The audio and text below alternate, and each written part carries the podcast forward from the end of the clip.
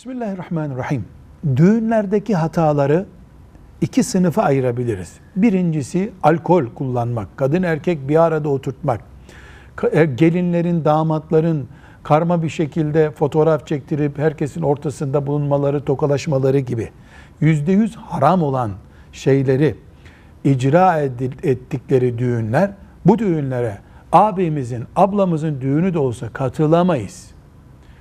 İkinci hatalar ise bu düzeyde olmayan mesela laubaliliklerin yapıldığı basit denebilecek mekruh düzeyinde kalmış hataların yapıldığı düğünleri ise giderek ıslah etmeye çalışmayı tavsiye ederiz. O düğünlere gitmeliyiz. Bilhassa yakın akraba için.